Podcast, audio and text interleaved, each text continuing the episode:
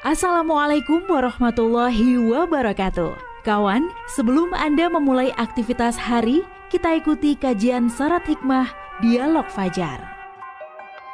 Assalamualaikum warahmatullahi wabarakatuh Selamat pagi kawan Kembali lagi di hari yang cerah ya Untuk bulan ini yang juga sebagai bulan kemerdekaan Dan pastinya semangat tetap harus membara di waktu pagi hari Selamat pagi, saya Aprilia Abi yang sekarang ada di ruang dengar Anda untuk program Dialog Fajar. Seperti biasa, saya ditemani dengan Ustadz yang siap untuk nanti ngobrol santai bersama kita. Kita sapa dulu bersama dengan Ustadz Umar Jaini, kawan-kawan dari Pesantren Al-Quran Nurul Falah Surabaya. Assalamualaikum Ustadz. Waalaikumsalam warahmatullahi wabarakatuh. Alhamdulillah, bertemu kembali Ustadz. iya, Alhamdulillah saya kalau ketemu Mas Abi ini rasanya muda lagi Mas. Muda lagi. Tapi Indonesia-nya nggak muda lagi Ustaz. Di bulan Agustus, bulan yang penuh dengan uh, kemerdekaan, penuh dengan semangat juga kebersamaan dan pastinya harus kita syukuri Ustaz ya. Karena sekali lagi mensyukuri uh, kemerdekaan itu adalah sebuah hal yang baik di dalam setiap sosial yang kita ikuti. Nah, ya betul betul betul. Hari ini nanti kita bahas. Semoga Ustadz di hari kemerdekaan ini mensyukuri nikmatnya. Silakan. Terima kasih. Assalamualaikum warahmatullahi wabarakatuh. Waalaikumsalam warahmatullahi. Alhamdulillah. Ashhadu an la ilaha illallah wa ashhadu anna Muhammadan abduhu wa rasuluh.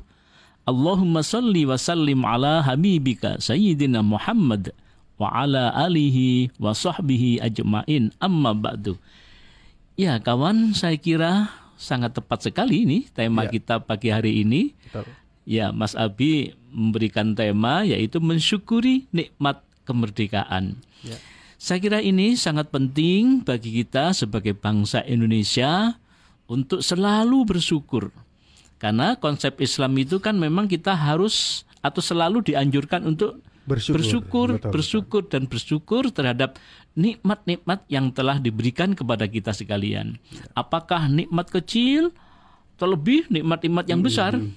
Nah, kemerdekaan ini adalah merupakan nikmat yang besar, nikmat yang luar biasa yang mesti harus kita syukuri sebagai anak bangsa ini. Di mana kemerdekaan itu dalam sejarah itu kan bukan cuma-cuma bukan datang secara tiba-tiba, ya. tetapi penuh dengan perjuangan para leluhur kita, para nenek moyang kita, bersimbah darah, nyawa, harta, semua dikorbankan demi untuk kita-kita anak cucu ini. Betul. Nah, maka penting sekali bagi kita untuk sekali lagi agar supaya apa? Ketika mensyukuri nikmat-nikmat Allah itu, Allah akan tambah lagi nikmatnya. Baik secara pribadi ataupun secara bangsa dan bernegara. Ya. Kalau bangsa kita terus selalu bersyukur, maka bangsa ini akan dijaga oleh Allah dan akan kemudian diturunkan berkahnya. Hmm. Kalau kita pandai mensyukuri. Karena kawan, kenapa kita sebut merdeka atau kemerdekaan ini merupakan nikmat yang besar? Karena dengan merdeka kita bisa beribadah dengan tenang. Ya. Dengan merdeka kita bisa bekerja dengan tenang.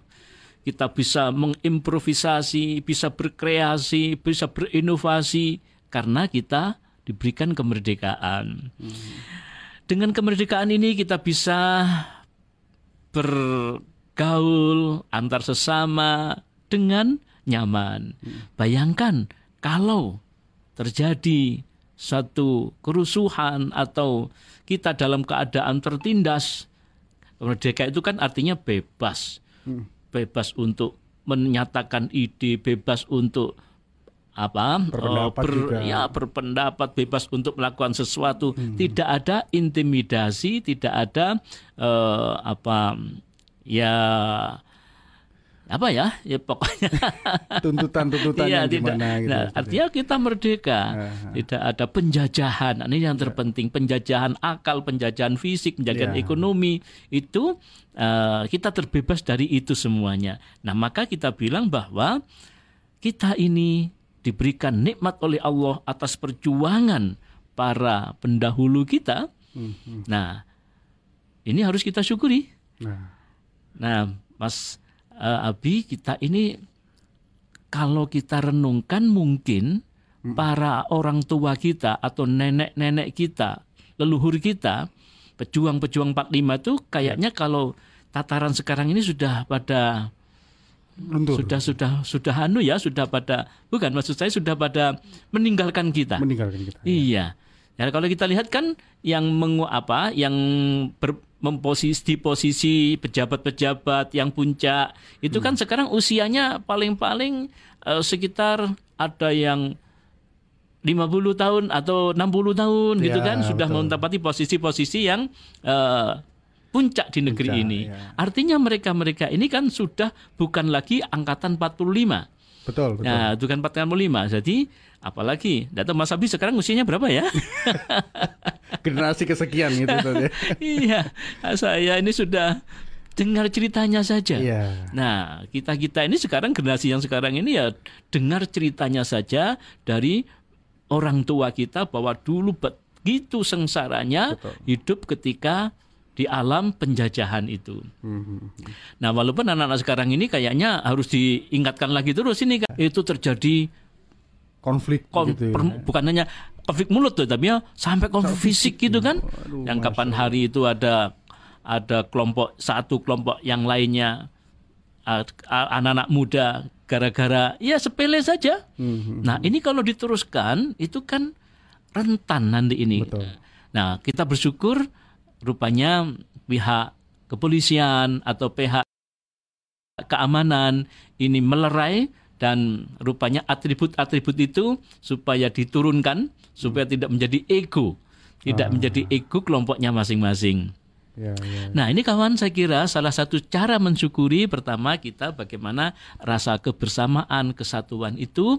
Yang kedua, khususnya juga bagi kita-kita ini dan lebih-lebih bagi para milenial, Ya. ya harus diberikan kesempatan atau semaksimal mungkin bagaimana menuntut ilmu Mhm. untuk menuntut ilmu kemudian dengan ilmunya itu itu kita bisa amalkan dalam kehidupan kita sehari-hari jadi eh, tugas kita ini Ya. sebagai pengisi Ya.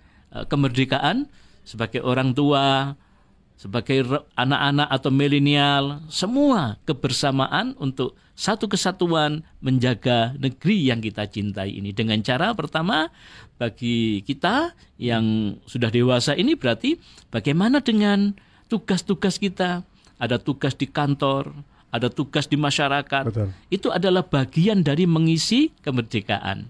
Kita gunakan dengan sebaik-baiknya. Bagi para pengusaha bekerja dengan maksimal mungkin Ya. untuk mengisi kemerdekaan ini. Bagaimana bisa menolong masyarakat kita yang kekurangan secara ekonomi masih Ya, kurang, membantu. Nah, membantu secara ekonomi. Itu bagi para pengusaha. Bagi keamanan tentu saja bagaimana menjaga negeri ini Sesuai fungsinya masing-masing. sesuai dengan fungsinya masing-masing. Guru-gurunya, para guru-guru, niati semua itu dalam rangka untuk bersyukur kepada Allah atas segala perjuangan yang telah ditumpahkan darahnya, nyawanya oleh para pahlawan, para pendahulu kita. Itu dia. Baik, itu dia ya kawan. Jadi Agustusan tidak hanya tentang lomba, tidak hanya tentang makan-makan besar, tapi bersyukur juga perlu untuk kemudian menjadikan Indonesia jauh lebih baik ke depannya ya. Semoga untuk uh, bulan kemerdekaan ini kita tetap semangat, kita tetap berjuang dan pastinya tetap bersyukur di bulan kemerdekaan. Saya Aprilia Abi bersama dengan Ustadz Umar Jaini, kawan pamit undur, undur diri. Terima kasih. Assalamualaikum warahmatullahi wabarakatuh. Waalaikumsalam warahmatullahi wabarakatuh. Program Dialog Fajar yang baru Anda simak kerjasama Suara Surabaya dan Pesantren Al-Quran Nurul Falah Surabaya, lembaga dakwah yang amanah, profesional, dan berbasis Al-Quran. Pesantren Nurul Falah mencetak guru-guru Al-Quran dengan metode tilawati dan tafidz Al-Quran. Informasi dan pemberian donasi hubungi 031 828 1278 atau nurulfalah.org. Wassalamualaikum warahmatullahi wabarakatuh.